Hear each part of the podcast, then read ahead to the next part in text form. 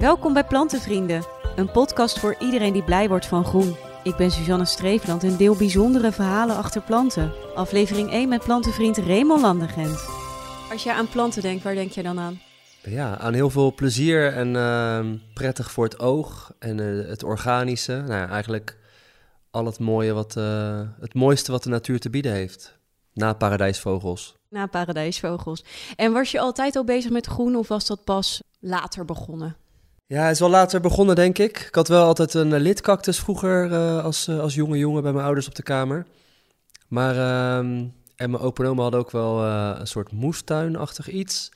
Maar ja, dat ik echt daar actief mee aan de slag ging, dat is denk ik een jaar of acht geleden. Toen begon ik echt planten in te slaan. En waarom? Nou, ik woonde aan de, aan de Schieweg in, in Rotterdam-Noord. Super drukke straat, vierbaans autoweg. Nou, heel veel fijnstof. En ik woonde op de eerste verdieping, keek uit over een kruispunt.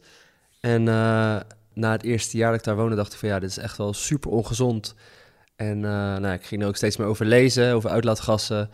En ik dacht, ik moet, eh, ik moet wat tegengas gaan bieden. Dus toen ben ik allemaal eh, ja, planten gaan kopen. Ik, zat, ik woonde vlakbij een plantenwinkel. En nou ja, vrij makkelijke manier om, om heel veel planten dicht bij huis in te slaan. En eh, van lieverlee kreeg ik steeds meer en grotere planten eh, in mijn woonkamertje. Want hoeveel heb je er nu?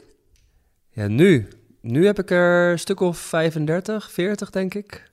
Zo, dus we kunnen wel spreken van een echte plantenvader. Ja, ik doe mijn best. Ze gaan niet allemaal even lekker, maar, eh, maar ik heb wel nou, een aantal grote, aantal grote planten ook ertussen staan.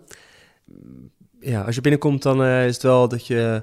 Nou ja, je kan er niet omheen. Het is echt wel een planten, Paradijs. plantenparadijs, ja. En wat is je favoriet? Heb je die? Ja, niet geheel ontoevallig de paradijsvogelplant. Ik heb een strelitzia van, eh, van 3,5 meter hoog zo'n beetje. Ons plafond is eh, o- op moment 4 meter hoog, dus hij heeft nog een klein stukje om te groeien. Maar eh, ja, het is een hele mooie plant. De meeste mensen kennen hem misschien wel. Hij heeft hele grote, mooie, ronde bladeren. Volgens mij is het vernoemd naar die, eh, eh, na- naar die bloemen die op paradijsvogels lijken. Ja, we hadden een kleinere en op een gegeven moment met vrienden hebben we geruild. Dus eh, eh, vrienden hadden, hadden dezelfde plant, maar die, die groeide echt tegen hun plafond aan. En ons plafond is ietsje hoger, dus we hebben op een gegeven moment geruild en nu staat hij bij ons. En je hebt dus nu een hele grote en hij heeft dus nog maar een klein stukje om te groeien. En dan? Ja, dan moeten we verhuizen. Oh, dat ga je doen. Oké. Naast dit mooie verhaal heb je nog een ander plantenverhaal waarvan je denkt, nou, dat wil ik nu echt met mensen delen. Eh, ja, toevallig wel. Ik heb ooit eens gelezen en gehoord, als er groen in de buurt is, of dat nou op kantoor is of thuis, dat je je onbewust eh, tevreden en eh, ja, gezond voelt, omdat er dan onbewust heb je het idee dat er eten in de buurt is. Dus dat je daardoor eh, gerustgesteld bent. Ja, en dat is denk ik ook wel waar. Als er geen echte planten in de buurt staan, dan vind ik het toch ja, al snel onnatuurlijk of zo. En dan denk ik van, hier klopt iets niet. Dan wil je weg. Ja, liefst wel. Ja? Nou ja, weg. Je, je voelt je toch eh, wat, wat minder op je gemak. Of eh, misschien is dat toch wel echt waar van dat, eh, dat er geen eten in de buurt is. Dan ga ik maar weg. Ja, Ja. nou ja, het staat wel. Weet je, een plek met mooie, gezonde, natuurlijke planten. Dat, dat zegt wel dat die mensen Zorgen voor iets. ja, ergens voor kunnen zorgen en, ehm, en liefde hebben voor de natuur. Ja, dat is zo. En jij hebt ook heel veel liefde voor de natuur, want je doet daar ook heel veel mee in Rotterdam. Je hebt onder andere het plantenasiel opgezet. Wat is dat precies? Ja, Plantasiel heb ik vijf, zes jaar geleden opgezet. Dus een Facebookgroep, een Facebook community. Met 7.500 leden inmiddels. Met 7.500 leden inderdaad. eh, en er was al een, plantenasiel, een landelijk plantenasiel. Kwam ik zes jaar geleden tegen in, eh, in Utrecht.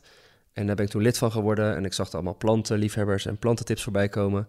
En ik dacht van ja, is leuk, maar is niet handig om in eh, Utrecht of Amersfoort een plant op te moeten halen. Dus toen is eh Plantenasiel Rotterdam geboren. En eh, ja, elke dag zo'n 20 à 30 berichten Wat staat daar dan op? ja, mensen vragen tips aan elkaar. Of als ze bijvoorbeeld last hebben van beestjes, van, dan vragen ze van hoe kunnen we dit, hoe kan ik dit oplossen? Of als mensen een plant zat zijn, dan eh, kunnen ze een plant weggeven via plantenasiel. Dus zo wisselen tips en stekjes en planten van eigenaar eigenlijk. Ja, dan kunnen ze ruilen ook. Ja, zeker. En, eh, en helemaal in de coronatijd is het echt, eh, ja, was super, het liep super storm. Ik kreeg heel veel aanmeldingen van, eh, van nieuwe leden en, eh, en heel veel aanmeldingen van berichten. Dus ja, door corona waren natuurlijk mensen veel meer thuis, of zijn veel meer thuis. En toen zijn ze ineens lekker allemaal gaan tuinieren. En is dat ook jouw bedoeling, dat mensen meer bewust worden van groen en natuur en tuinieren? Ja, nou ja, Is dat jouw doel? Ja, is wel in mijn werk. Ik, eh, ik ben wel veel met, met duurzaamheid bezig. Of mensen inspireren of motiveren om, om groener te leven. Ehm, en dan niet met, met belerende vinger van eh, eh, je moet, weet ik veel, je moet planten in huis hebben of je moet veganistisch eten. Maar gewoon meer laten zien hoe leuk groen en duurzaam leven kan zijn. En ja, planten zijn daar denk ik een belangrijk onderdeel van. Ehm, dus ik vind het heel leuk om zo de, ja, de Rotterdamse plantencommunity eigenlijk ehm, te voeden en, en te faciliteren. Want hoe doe je dat concreet?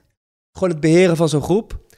En dat, dat is allemaal niet heel spannend, maar ehm, ja, toelaten van nieuwe leden eigenlijk. Maar je doet het toch ook fysiek? Je bent nu toch ook bezig met eh, Ja, geveltuinen? Ja, ja, ja. Dus je bent ook geveltuinen in Rotterdam aan het aanleggen Ja, dat is wel een leuk verhaal. Eh, eind maart, zeg maar, eh, door corona viel best wel veel van mijn werk viel weg. Evenementen die ik organiseerde, die konden allemaal niet meer doorgaan. En toen heb ik eh, op 31 maart heb ik een oproep gedaan in het plantenasiel van mensen, eh, als je toch nu veel thuis bent, ga lekker een geveltuin aanleggen. En eh, daar werd super goed op gereageerd. Mensen gingen foto's sturen van, hey, ik ben aan de slag gegaan en wat leuk dit. En ik wist niet dat het mocht. En dat is eigenlijk geëvolueerd in een grote campagne. Dat heet eh Duizend Geveltuinen. En nou, die loopt nu sinds anderhalve maand. En we zitten al op 250 tuintjes. En zo'n geveltuintje, dat is eigenlijk toch een kwestie gewoon van stoeptegels weghalen, wat nieuwe aarde erin doen en wat plantjes. En eh, dan heb je eigenlijk al een soort van tuintje. Ja, zeker. Het is, ja, het is super makkelijk. Het is anderhalf uur werk voor vier meter zo'n beetje. En eh, heel veel mensen weten niet dat het mag. Dus, maar ja, je mag gewoon de stoep voor je, voor je huis, voor je portiek, mag je openbreken. Als er maar 1,80 meter ruimte overblijft, toch? Ja, dus als je gewoon een beetje ruimte overhoudt voor, eh, voor rolstoelen en, eh, en kinderwagens en zo. Dus minimaal 1,80 meter overhouden. eh, dan mag je gewoon een, een, een klein voortuintje maken. En dat is natuurlijk ideaal in de stad. Want heel veel mensen die in een dichtbevolkte stad wonen... hebben geen ruimte voor een voortuin. Dus dan is een geveltuin een mooie oplossing. En hoe minder stenen, hoe beter ook, vind jij toch? Ja, zeker weten. Wat is je uitspraak daarvoor? Nou ja, eh, verstenen omgeving is eigenlijk, eh, niet eigenlijk, is een dode omgeving. Hè? Het, er groeit niks, er leeft niks. eh, ja, insecten hebben er niks te zoeken. En zodra je die stenen weghaalt, ontstaat er leven en is er ruimte voor, voor groei en gezelligheid. nou, dat lijkt me een hele mooie afsluiter. Maar voordat we gaan afsluiten, nog eventjes, jij hebt een stekje meegenomen. Ja, Speciaal voor in de plantenbiep. Die kunnen mensen stekjes ruilen. En wat heb je meegenomen? ik heb een stekje meegenomen van een vriendschapsplant. Waarom heb je de vriendschapsplant meegenomen? Omdat eh, ik hoop dat mensen door het plantenasiel en eh, door, ja, door planten nieuwe vriendschappen opdoen. En eh, nou ja, een plant, een plant in je woning staat ook gelijk aan, aan een stukje vriendschap met de natuur, hè, als je het zo wil interpreteren. Nou, mooie filosofische afsluiter. Dankjewel, Raymond. Ja, dankjewel. De plantenbieps die zijn te vinden op plantenvrienden.nl. En op Instagram deel ik de updates van alle stekjes die mijn gasten weggeven in deze podcast. Heb je zelf een verhaal te delen? Dan kan je dat mailen naar podcast.plantenvrienden.nl. Leuk dat je luisterde en tot de volgende aflevering.